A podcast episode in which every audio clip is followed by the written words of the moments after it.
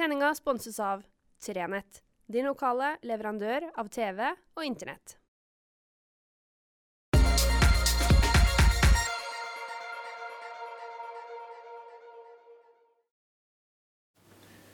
Riktig god fredag.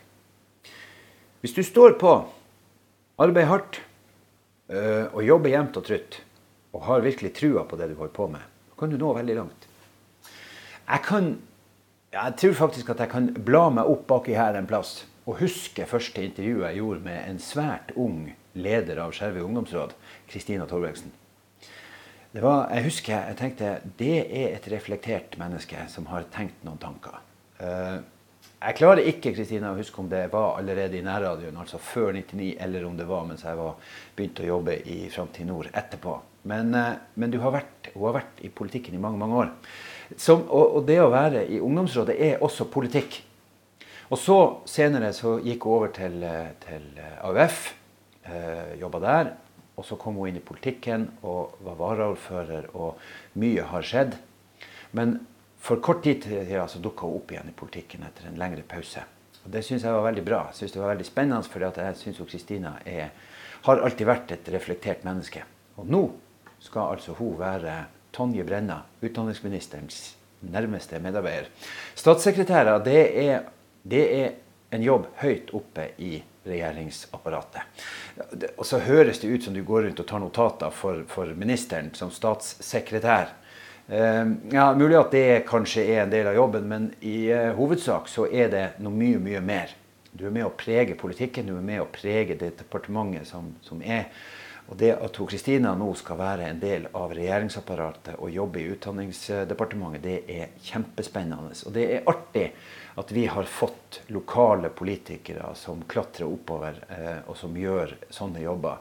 Eh, veldig ofte eh, så har ministre tidligere vært statssekretærer eller politiske rådgivere, eller kan det her med departementsarbeid. Så hvem vet hva Kristina kan klatre videre til. Men kjempeartig. Og så må vi jo gratulere hun eh, Sandra Borch fra Lavangen. Hun Sandra er et, eh, et arbeidsjern eh, som har vært over hele Troms og Finnmark, men, men som nok kan Troms til fingerspissene. Eh, og Sandra har jeg òg intervjua mange ganger, fra da hun var i Senterungdommen til hun eh, var på fylkestinget og, og hele veien. Traff hun senest i valgkampen her på Skjervøy, da hun og Trygve Slagsvold Vedum og resten av gjengen var på rundtur her. Ei, ei, hyggelig, trivelig og veldig dedikert dame som, som virkelig brenner og tror på, på, det hun holder på med. Og jeg tror hun, Sandra kan gjøre en god jobb som landbruksminister når hun nå har tatt plass der. Så gratulerer også til henne. Og så har jeg tenkt å bruke denne podkasten, eh, bloggen. Da satt jeg med, med, med podkasten fra pauserommet i bakhodet. For der snakka vi jo om det her. Jeg har tenkt å bruke denne vloggen i dag til å snakke om en mann som har betydd veldig mye for meg eh, i jobben min. Eh, og som plutselig pga. sykdom ikke kunne jobbe lenger.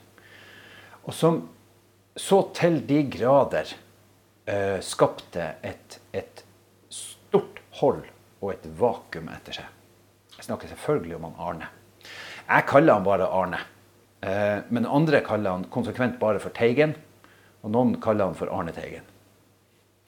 Han er en levende legende, for han er levende i aller høyeste grad. Og det er godt å kunne snakke vakkert om han Arne eh, nå som han er eh, slutta hos oss. Og så er det sånn at det er litt rart, fordi at ja, han er slutta hos oss, men for meg så er han fortsatt min kollega. Han er fortsatt alltid eh, en, en, som jobber sammen med meg. Um, og vi har hatt våre krangler, kjære vakre vene. Uh, vi er ikke akkurat like. Uh, og, og, og, vi, og, vi, har ikke akkurat de samme Altså, jeg har jobba mine timer, men å klare å jobbe like mye som det han Arne gjorde, det er jo ikke mulig. Og, det han Arne har betydd for Framtid Nord, det kan ikke settes ord på. For han Arne var overalt. Alltid. Han, altså, jeg tror Heimevernet må ha ringt han Arne og spurt om det var i orden at de brukte det begrepet. fordi eh, det var jo hans. Altså, når jeg ringte han, så kunne han like gjerne være i Koppangen, i Lennangen, på Furuflaten. Han kunne befinne seg på Brenna i Storfjord, eller han kunne være på Holmen på en, på en småguttekamp. Han kunne være i Saga, på, på et skirenn. Og det betydde ingenting om det var et kretsmesterskap, et sonemesterskap, et, et tirsdagsløp på skøyter, eller hva det var. For han Arne så var alle her arrangementene akkurat like mye verdt. Og Hvis ikke vi andre journalistene klarte å pakke oss av gårde på minst én små, på en aldersbestemt fotballkamp i løpet av et år, du, da fnøys han i nesen. Og, og det er helt rett, fordi at han klarte det. Han for rundt med de her bilene sine og var all over the place. Noen ganger var han så tett på at vi var nær ved å miste han. Da Ura-ulykka, katastrofen, skjedde i 2000. Da var vi så nært på at også han Arne gikk. Han Arne var nemlig kjørt til bommen. Han Arne var gått i bussen og snakka med sjåføren. Og går tilbake til sin egen bil, ringer sjefen sin, som da var Ingebjørn Hansen, for å rapportere hva som skjer. Og mens han Arne sitter i bilen og er på tur å snu, så kommer han seg rett framfor nesen på han. Så nært. Og Sånne hendelser er det mange av i et sånt liv. Du kjører på veiene, du er overalt, i all slags vær. Og vær og føre betydde lite. Det var ikke sånn at han Arne ringte meg og sa at det ble ikke noe tur til Endanger, for været er for dårlig. Da måtte det virkelig være dårlig vær. Da måtte det være sånn at han snudde. Han nekta alt, men like stor entusiasme. Enten det var et kommunestyremøte, et hovedutvalgsmøte. Foran Arne så var det viktig å få med det som skjedde. Og når han leverte et, eh, et referat fra et møte i et eller annet underutvalg fra Lyngen, så kunne vi være sikre på at det fylte i hvert fall ei side. Kanskje to. Og, og, ofte når jeg satt og brekte på det, som vi kaller det, altså tilpassa det til papirskien, så visste jeg at jeg var egentlig nødt til å få det her på tre sider, fire sider, fem sider. For Arne skrev om alt som foregikk. Og når da en sånn bauta, en sånn vegg i et mediehus blir borte, så er det klart at at jeg har skjønt at vi kom til å få problemer i Lyngen. Det går ikke an å dekke Lyngen like godt som det Arne gjorde. Det fins ikke en grendeutvalgsleder, en idrettsleder, en fagorganisert en, Det fins ikke en, en, en, gryende sportsutøver som ikke Arne har snakka med, fotografert. Og etterrettelig, uansett kjønn, idrett, prestasjon. Alt var av samme kvalitet og med samme fokus på navn og alder og tilhørighet, og, å behandle med respekt og ordentlighet. Vi, vi, vi, vi, klarer å gjøre det her i vår målestokk, men vi klarer aldri å gjøre det sånn som han Arne gjorde. Sånn er det bare. Derfor så var det også veldig tøft på tirsdag å gjøre denne øvelsen og gi han Arne den hederen. Eh, men jeg er veldig glad og veldig takknemlig overfor han Arne. Og nå har han Arne også fått åpna Facebook-sida si igjen. Så da vet jeg at denne kan han få sett. Da får han hørt på det her, og han, jeg vet han liker det ikke. Han kan ikke fordra skryt og ros. Mm -mm, er ikke Arnes greie. Eh, han Arne var ikke opptatt av det i det hele tatt. På morgenmøtene når vi roste hverandre og sånn, det var ikke det, det som var levert, det var levert. Ferdig med det. Eh, men hvis vi andre hadde gjort noe, så kunne han helt fint fortelle oss at her burde vi ha gjort sånn og sånn. Eh, nå skal vi gi han Arne, Arne, en gave. Eller vi har allerede gitt, det er ikke noe hemmelighet. Han skal dra til cupfinalen neste år. Altså det som er årets pga. korona og sånn, så ble den flytta over dit. Så han skal dit, og han skal ha med sin gode venn Geir Hugo fra Lyngen. Geir Hugo, du vet